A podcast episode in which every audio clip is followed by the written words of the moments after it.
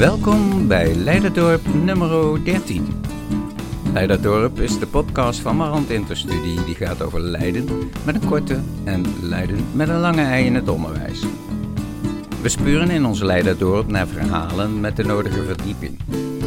Deze keer spreekt mijn collega Jan van Leeuwen met Tira Buitenhuis.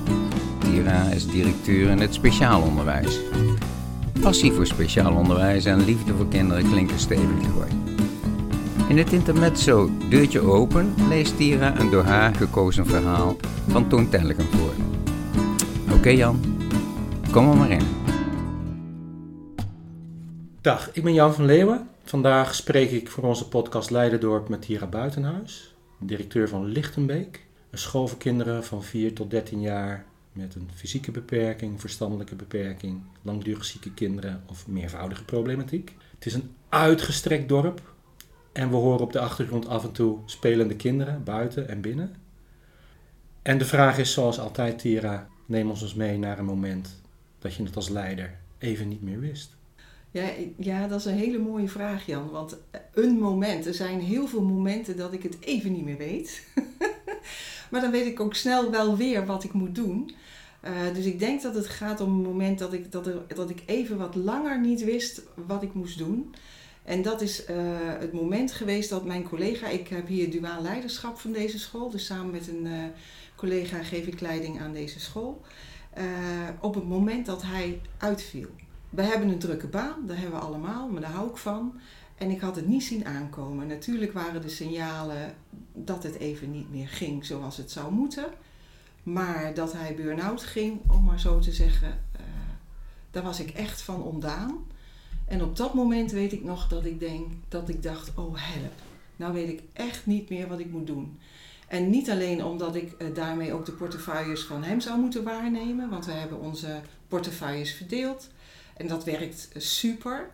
Uh, daar ben ik natuurlijk ook minder deskundig in. Dus, dus dat, dat kwam ook meteen in mijn hoofd. Oh, hoe moet dat met personeel en financiën en beheer? Dat is niet mijn ding. Maar meer omdat, ja, omdat ik in dezelfde positie zit en zat. En, uh, en we eigenlijk op een soortgelijke manier in ons werk staan. Dus met overtuiging en passie en nou, moeilijk grenzen kunnen aangeven en bewaken. Maar daar eigenlijk ook wel heel veel lol in hebben, om, omdat het nou ja, prachtig werk is. En dan zo iemand onderuit zien gaan. Nee, dat, dat was echt een moment dat ik dacht, zou mij dit ook zo kunnen overkomen? En, en hoe is het gekomen? En hoe kan ik het voorkomen? En hoe, hoe hou ik nu die school draaiende? Hoe ben je daarmee omgegaan met die spiegel? Nou, veel over nagedacht, veel over gesproken. Uh, met thuisfront, met collega's, met een coach. Uh, meteen ook gekeken met, uh, met mijn direct leidinggevende van goh, hoe gaan we een plannetje maken zodat ik niet de volgende ben. Want dat was inderdaad een beetje de angst van goh, nou krijg ik alles op dat bordje en hoe, hoe kan ik dat dan wel waarmaken.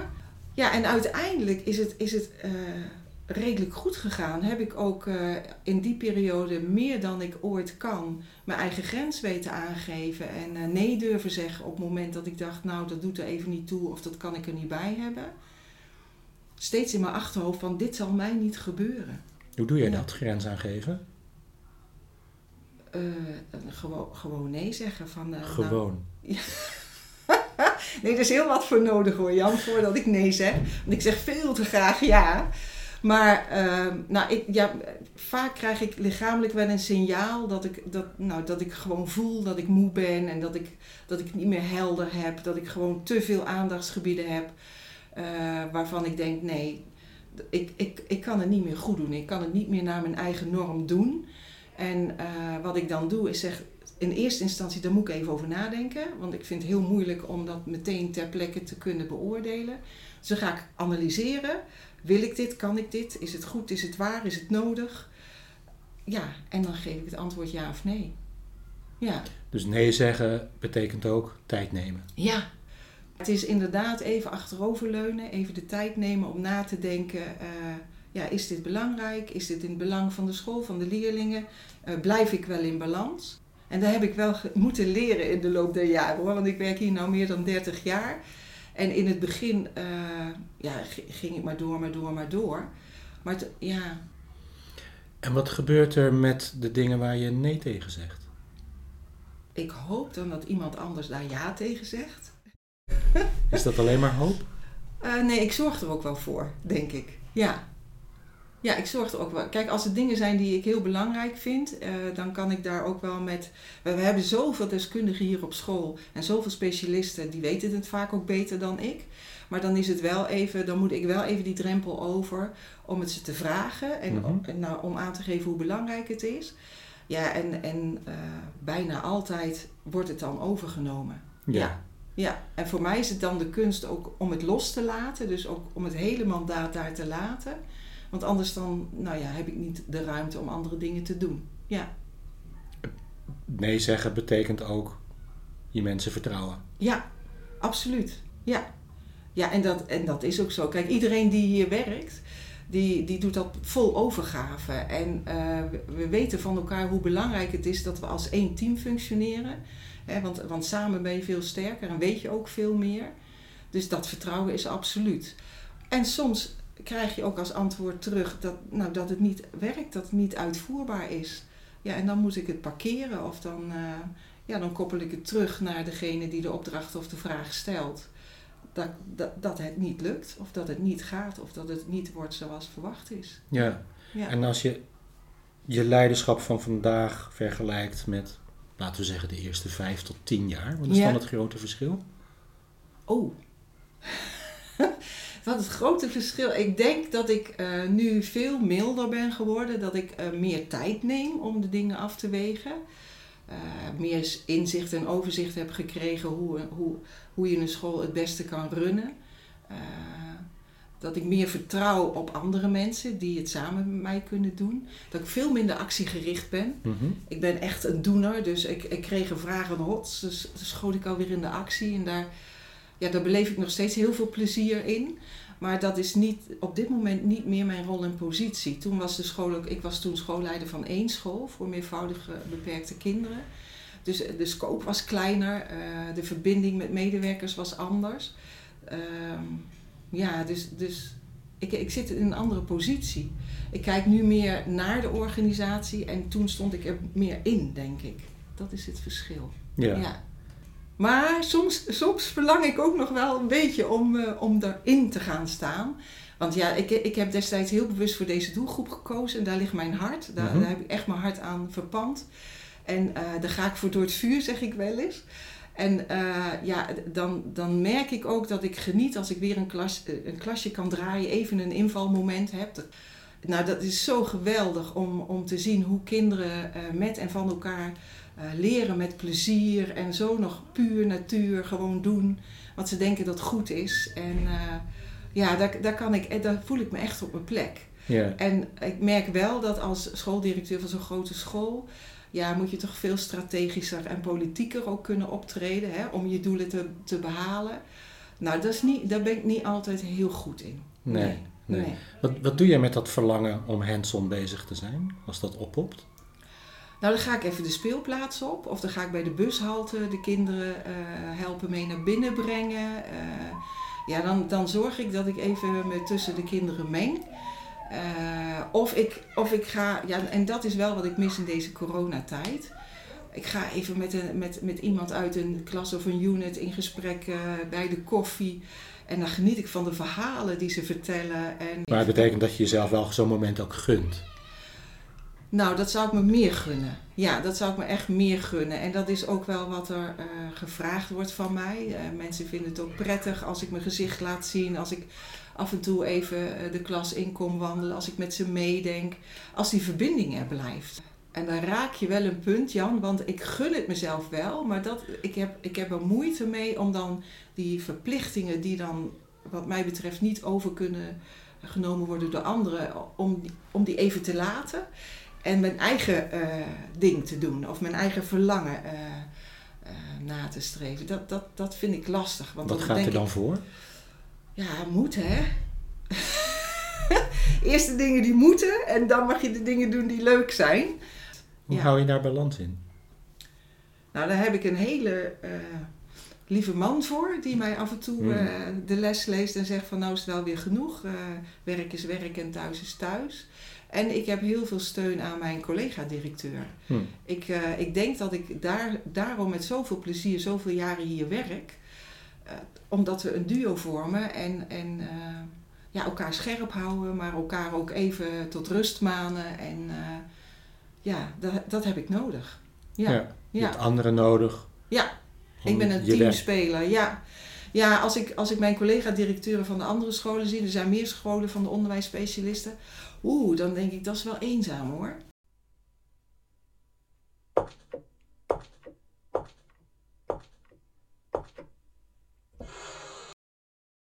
Ja, ik heb een stukje gekozen uit het album van Toon Tellegen. Op een ochtend besloot de Thor de wereld op te tillen. Dat is weer eens wat anders, dacht hij. Hij haalde diep adem en tilde de wereld op. Alle dieren werden door elkaar geschud. Alle bomen kraakten en ruisten. De rivier stroomde leeg en enorme golven sloegen over het strand. Hola! riep iedereen. Wat gebeurt er? De Thor hoorde het geroep wel, maar hij zweeg. De wereld optillen en tegelijk praten, dat was te veel voor hem. Zachtjes schommelde de wereld op zijn zwarte schouders heen en weer. De dieren renden en vlogen naar de open plek in het bos en vroegen elkaar wat er aan de hand was. Maar niemand wist het. Ze stuurden de zwaluw uit om te kijken wat er gebeurde. En de zwaluw vloog rakelings onder de wereld door en zag de Thor die de wereld juist iets omhoog sjorde. Buiten adem kwam hij terug en zei: Het is de Thor! De Thor heeft alles opgetild! De Thor? vroeg iedereen verbaasd. Ze liepen naar de rand van de wereld, leunden ver voorover, maar konden hem net niet zien. Toen riepen ze uit honderden kelen tegelijk: Thor! Thor! Maar de Thor hoorde niets. Hij was in slaap gevallen met de wereld op zijn schouders. Ze besloten hem een brief te schrijven. Beste Thor, zet alstublieft de wereld weer neer. Van iedereen. De brief woei op en vloog in een boog over de wereld heen. Toen de Thor wakker werd, vond hij hem voor zijn voeten en hij las hem. Och, dacht hij, dat is goed. Hij zette de wereld neer, rekte zich uit en besloot een eindje te gaan wandelen. Wat ik nu nog kan doen, dat weet ik echt niet, dacht hij.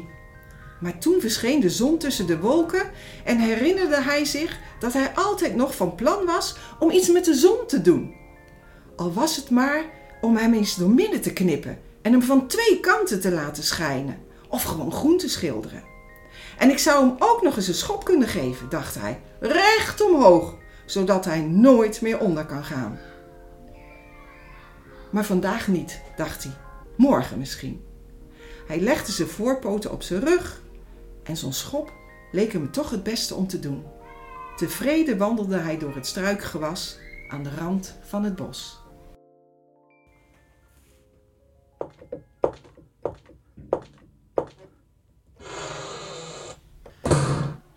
Deze bijzondere vorm van onderwijs vraagt hij bijzonder leiderschap. Dat weet ik eigenlijk niet. Ik heb nooit als directeur op een gewone school gewerkt. Ja, het, eh, voor mij geldt wel dat, dat, dat ik liefde heb voor deze doelgroep. En dat ik zo graag wil dat deze kinderen goed onderwijs krijgen. Dat, dat, daar raak je me mee, hè? Weet ik niet. Hm. Nee, nee. Ik denk dat ik wel directeur zou kunnen zijn op een gewone school. Maar ik denk dat ik dan ehm, het onderwijs anders zou willen vormgeven. Wat ik hier zo mooi vind, is dat we kinderen in de totale ontwikkeling aanspreken. Eh, dat we niet alleen de cognitieve, eh, het cognitieve zeg maar, eh, willen ontwikkelen. Maar dat we juist kijken, hè, omdat kinderen zoveel beperkingen hebben en belemmeringen, wat kan wel?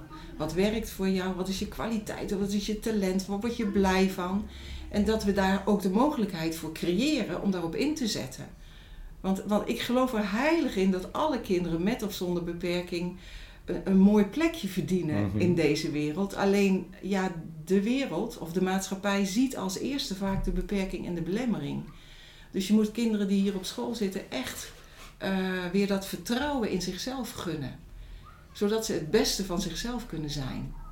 Het- beeld dat bij mij oprijst is dat jij een heen en weer pendelt tussen wat je omschrijft als liefde voor het kind. Dat Ja. is heel erg concreet, heel erg micro is dat ook. Ja, En strategisch handelen. ja. En daar beweeg je tussenin. Nou ja, ik probeer dat. Ik vind het ook een spanningsveld, hè, want dat was eigenlijk ook een beetje wat ik voelde toen je me die vraag stelde. Het is spannend. Maar ik probeer alles wat ik doe en wat ik strategisch kan bedenken, eh, terug te voeren naar: is dit werkelijk in het belang van de leerling? Is dit werkelijk waar ons onderwijs om gaat? En als het zo druk is, hè, met zoveel verschillende dingen die je dan tegelijkertijd moet doen, dan, ja, dan merk ik dat ik daar eh, soms onvoldoende aandacht voor heb. En ook wel eens dingen ga doen of uit ga voeren waarvan ik achteraf denk, nou, daar is onze leerling niet echt mee geholpen geweest. En soms heb ik daar dan inderdaad even tijd voor nodig om erachter te komen wat het dan is, eh, waarom ik dat zo voel. En wat doe je dan? Ja, nou, dan ga ik in gesprek met mensen die gewoon met twee voeten in de klei staan en, eh, en, dan, en ja, dan nodig ik ze uit om mee te denken. Mhm. Van, eh, hè, we krijgen deze opdracht, vaak is het een opdracht. Of nou ja, hoe kunnen we dit eh, zo goed mogelijk vormgeven, zodat we daar onze leerlingen en ons onderwijs recht mee doen. Maar zodat we zo min mogelijk tijd en energie steken in dat bureaucratische format wat er omheen hangt. Hè? Want ik kan niet zeggen ik doe het niet, want ja, we willen heel graag juist dat geld gebruiken om nog meer te investeren om, eh, om die weer even een boost te geven. Dus Mhm. ja, en dan ga ik in gesprek. Ik blijf gewoon die verbinding zoeken met de mensen die in de dagelijkse praktijk dat voelen, dat ervaren, dat, dat weten. Ja. Voordat ik die strategie ga inzetten, wil ik wel precies weten waarom en waartoe en hoezo dat bedoeld is. Ja. Dus dan ga ik wel eerst op onderzoek eh, of ik verdiep me eh, in stukken of ik vraag aan college van bestuur eh, why. Dat. En daar moet ik dan ook, daar moet ik ook wel echt weten. En soms, soms ben ik het er niet mee eens, maar Mhm. dan ehm, moet ik wel vrede kunnen sluiten met mezelf om het toch zeg maar uit te kunnen voeren. Want ja, dat. Soms weet je het niet meteen en begin je ergens aan en gaandeweg een traject kom je erachter dat je denkt, nou, wat gaat dit nou opleveren? Hè? De het kostenbaten is dan helemaal niet meer in, in evenwicht. De energie vooral die daarin wegvloeit, om, nou ja, omdat, omdat, omdat het er eigenlijk niet toe doet. Omdat het moet, het heurt zo zeggen we dan, maar het leidt nergens toe. Ja, en dan ben ik best wel trouw in, in als ik eenmaal ja heb gezegd, dat is denk ik nog wel een leerdoel van mij, dat ik dan toch verderop in het traject ook nog een keer nee kan zeggen. Dat vind ik lastig. Dus ik doe, ik doe wel mijn uiterste best voordat ik de opdracht aanvaard om helder te krijgen, ga ik hiermee aan de slag. Maar dan nog kan het soms, eh, ja, gaandeweg een traject, d- dat ik opeens tot andere inzichten kom waarvan ik denk, nee, dat is geen goede keus geweest. En dan vind ik het lastig om het terug te geven. Ja. Ik ben wel kritischer geworden op wat, eh, wat aan administratie, registratie, dat soort dingen, weer nieuwe overleggen, formatsystemen, wat er nieuw erbij komt. We zijn ook bezig om te kijken wat, wat we van de kar af kunnen kiepen. Wat er niet meer toe doet. Wat een gewoonte is geworden, een soort ritueel wat eigenlijk niet meer functioneel is. Maar daar heb je tijd voor nodig. Dat is een mooie vraag van jou. Hoe gun je dat? Ik, ik moet daar gewoon tijd voor nemen. Want daar wordt het beter van. Er zijn, denk ik, eh, best regels ja, die, we niet meer, die we niet meer nodig hebben. Omdat we eh, het op onze manier heel goed met elkaar in, in het vertrouwen wat we hebben kunnen doen. Alleen anderen hebben dat vertrouwen niet. En ik vind het dan mijn taak om, om dat wel aan te kunnen tonen. Waar komt die drive voor deze doelgroep vandaan? Ja, ik, ben, ik, ik, ik vind het geweldig om te zien hoe, hoe mensen zich gedragen. Dus ik, nou ja, die psychologische kant van waarom, waarom doen mensen wat ze doen. En, en eh, daar ben ik heel erg eh, in geïnteresseerd. En dan vooral als ik zie ehm, dat het niet vanzelf gaat. Ik, ik vind het zo mooi dat iedereen verschillend is. En, en, en, ehm, en dat dat kan en dat dat mag. En dat het veel mooier is dan dat we allemaal hetzelfde zouden doen of hetzelfde zouden zijn. Hoe, hoe, hoe kan een kind eh, die niet voldoet aan alle standaarden, zeg ik dan maar even, hè, want zo zitten we wel met, eh, in elkaar. hoe, hoe kan die dan toch optimaal ontwikkelen? En hoe kan die dan toch gelukkig zijn? En wat is daarvoor nodig? En hoe kunnen we daarvoor zorgen?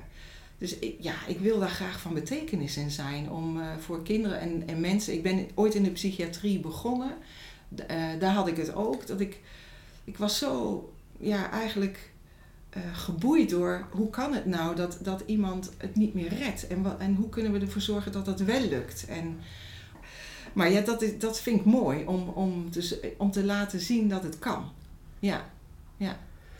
Wat wil je straks hier achterlaten als je afscheid neemt van Lichtenbeek? Gewoon een, een leerparadijs voor groot en klein, zeg ik dan. Ja, het is een prachtige plek om te leren en te werken. En uh, wat ik achter wil laten is eigenlijk dat uh, het geloof en het vertrouwen in elkaar, wat jij net vroeg aan mij, uh, heb je dat? Ja, dat heb ik. En niet alleen in de medewerkers, maar ook in de leerlingen. Ja, iedereen heeft zijn eigen talenten en zijn eigen toolkit of zijn eigen hulpbron of hoe je het ook noemt. En om die goed in te kunnen zetten, zodat je met volle teugen van het leven kan genieten. Ja, dat, dat is wat ik wil achterlaten. Dat dit de plek is waar, daar, uh, wat dat, waar het gestimuleerd wordt. Ja, en eigenlijk zou ik het liefst hebben dat we geen speciaal onderwijs meer hadden, Jan. Moet ik toch even zeggen. Want ik vind dat alle kinderen, uh, met of zonder beperking, samen moeten kunnen leren en ontwikkelen. Zo, dit was Leiderdorp nummer 13 met Tira Buitenhuis, directeur Speciaal Onderwijsschool Lichtenbeek. Tira, onze hartelijke dank voor je verhaal. Leiderdorp is de podcast van Marant Interstudie. We zijn steeds op zoek naar authentieke, verdiepende verhalen met oog voor zowel de betekenis van leiderschap als de persoon van de leidinggevende. Leiderdorp wordt gemaakt door Jan van Leeuwen, Judith Bos, Anne-Jan van der Doo en ondergetekende Harry Jansen.